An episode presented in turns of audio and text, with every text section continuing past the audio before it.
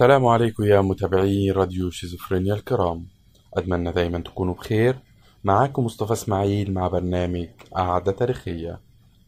وفي حلقة النهاردة هنكمل اللي بدأناه في الحلقة اللي فاتت عن المسجد الأموي. المسجد الأموي في عصر السلاجقة والأيوبيين. في سنة 1078 ميلادية استعاد سلاجقة الأتراك مدينة دمشق من أيدي الفاطميين. وأصبحت دمشق تابعة للخلافة العباسية اسميا فقط.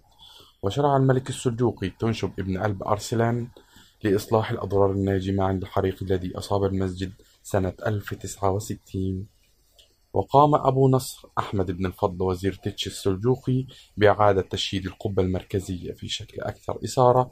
وقام أيضا بترميم اثنين من الأرصفة دعما تجديد الفسيفساء الأموية الأصلية من الواجهة الداخلية الشمالية للمسجد. وأعيد بناء الرواق الشمالي في عام 1089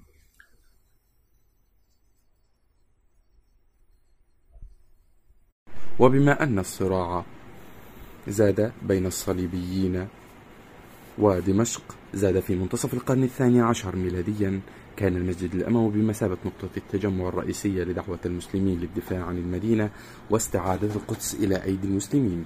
ويعتبر ابن عساكر أحد أئمة البارزين الذين بشروا بالجهاد وعندما تقدم الصليبيون نحو دمشق عام 1148 استجاب سكان المدينة لدعوات المطالبة بالجهاد وعلى إثر هذا انسحب الجيش الصليبي نتيجة المقاومة البطولية لسكان دمشق.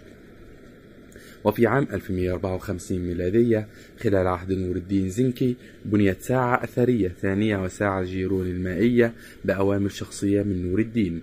وشهدت الساعة من الخارج المدخل الشرقي للمسجد من قبل وأعاد بناؤها المعماري محمد الساعاتي بعد حريق أصاب المسجد في عام 1167 كما رممت في نهاية المطاف على يد ابن رضوان في أوائل القرن الثالث عشر. وقد نجت وقد نجت من الحريق في القرن الرابع عشر وقد زار الجغرافي العربي الإدريسي المسجد الأموي عام 1154 وفي العهد الأيوبي شهدت دمشق إنشاء العديد من المؤسسات الدينية وأبقى على الجامع الأول في مكانه. كمركز للحياة الدينية في المدينة وصف الرحالة الأندلسي ابن جبير أهمية المسجد كمركز شامل للعلوم الدينية نظرا لاحتوائه العديد من الزوايا المختلفة للدراسات الدينية والقرآنية. وفي عام 1173 تعرض الجدار الشمالي للمسجد مرة أخرى لأضرار بسبب اندلاع حريق وعد بناؤه من قبل السلطان الأيوبي صلاح الدين.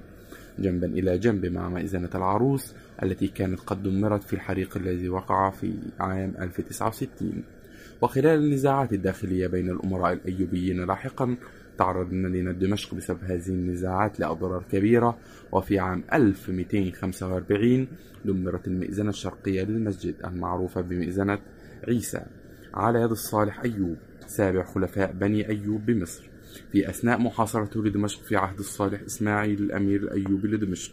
وقد أعيد بناء المئذنة لاحقا مع إضافة زخرفة قليلة لها. ودفن صلاح الدين الأيوبي مع العديد من خلفائه حول المسجد الأموي. دولة المماليك. وفي عام 1260 تحالف المغول بقيادة كتبغى مع القوات الصليبية واستولوا على دمشق من الأيوبيين. وقد أمر بوهيمد السادس أمير إمارة أنطاكيا بإقامة القداس الكاثوليكي في المسجد الأموي. ومع ذلك استطاع المماليك بقيادة قطز وبيبرس استرجاع مدينة دمشق لاحقا في نفس العام. وفي عام 1270 أمر بيبرس بترميمات واسعة لنطاق المسجد لا سيما الرخام والفسيفساء والإرمينية. وفقا لكاتب سيرة بيبرس بن شداد أن تكلفة الترميمات التي أقيمت في عهده بلغت عشرين ألف دينار. وكان من أكبر الشظايا التي أضيفت للمسجد هي قطعة فسيفساء يبلغ طولها 34.5 متر وعرضها 7.3 متر. وقد أقيمت هذه الفسيفساء في الرواق الغربي وتسمى لوحة بردي وكانت هذه القطعة من الفسيفساء الذي زينت المسجد جزء من مشروع الترميم الذي شمل المسجد وكان لها تأثير كبير في عمارة المماليك في مصر والشام. وفي عام 1285 ميلادية بدأ العالم ابن تيمية بتدريس القرآن في المسجد وفي عام 1300 قام إيخانيا المغول بقيادة محمود غازان بغزو مدينة دمشق. فقام ابن تيمية بحث مواطني دمشق على الجهاد ومقاومة الاحتلال واستطاع المماليك بقيادة قلاوون بضرب المغول لاحقا من تلك السنة. وعندما دخلت قوات قلاوون إلى المدينة حاول المغول إقامة عدة مجانيق في المسجد النبوي لكن محاولتهم باءت بالفشل وشرع المماليك بحرق المجانيق قبل أن توضع في المسجد. وفي الأعمال الممتدة من 1326 1328 قام المال المملوكي في الشام تنكيز بأعمال ترميم في المسجد وأمر بإعادة تجميع لوحات الفسيفساء على جدار القبلة واستبدال كل البلاط في قاعة الصلاة بالرخام. كما قام السلطان المملوك الناصر محمد بن قلاوون بأعمال ترميم رئيسية للمسجد. في عام 1328 وقد هدمت قبلة الجدار غير المستقرة وأعيد بناؤها ونقلت بوابة باب زيادة إلى الجهة الشرقية من المسجد.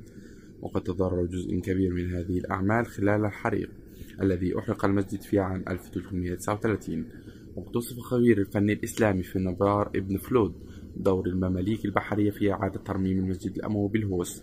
وجهودهم في صيانة وإصلاح واستعادة المسجد كانت لا مثيل لها في أي فترة أخرى من حكم الإسلام لدمشق.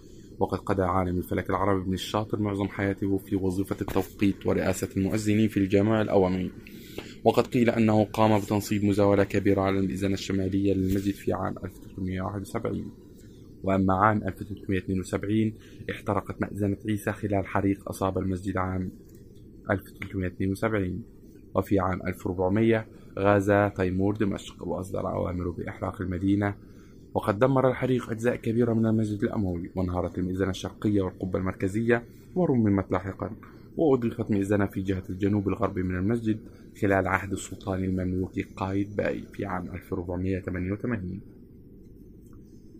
الدولة العثمانية. في عام 1516 سيطر العثمانيون على دمشق بقيادة سليم الأول بعد انتصارهم على المماليك في معركة مرج دابق. وحضر سليم الأول لتأدية صلاة الجمعة في الجامع الأموي واستخدم العثمانيون نظام الوقف للمواقع الدينية كوسيلة لربط السكان المحليين مع السلطة المركزية. وكان وقف الجامع الأموي هو الأكبر في المدينة. ووظف 596 شخص وخصصت أغلب الوظائف الإشرافية والكتابية للمسؤولين العثمانيين في حين خصصت المكاتب الدينية في الغالب للعلماء المحليين. على الرغم من أن الأوقاف تقطع للضريبة وأضعف الجامع الأموي منها. وفي عام 1518 قام جابن رود الغزالي الوالي عثمان بدمشق والمشرف العام لوقف المسجد بعمليات إصلاح وتزيين المسجد كجزء من برنامجه بإعادة إعمار مدينة دمشق. أما في سوريا الحديثة الانتداب الفرنسي. في عام 1929 كان أهالي دمشق يجتمعون في الجامع الأموي كل جمعة ليقوموا بمظاهرات منددة ضد سلطات الانتداب الفرنسي ولم يقتحم الفرنسيون الجامع طيلة وجودهم في سوريا لمعرفتهم بمكانة الجامع الأموي عند أهل الشام. وقد خضع المسجد الأموي لترميمات كبرى خلال الانتداب الفرنسي على سوريا واستمرت حتى عام 1963 وفي ظل الجمهورية السورية الأولى.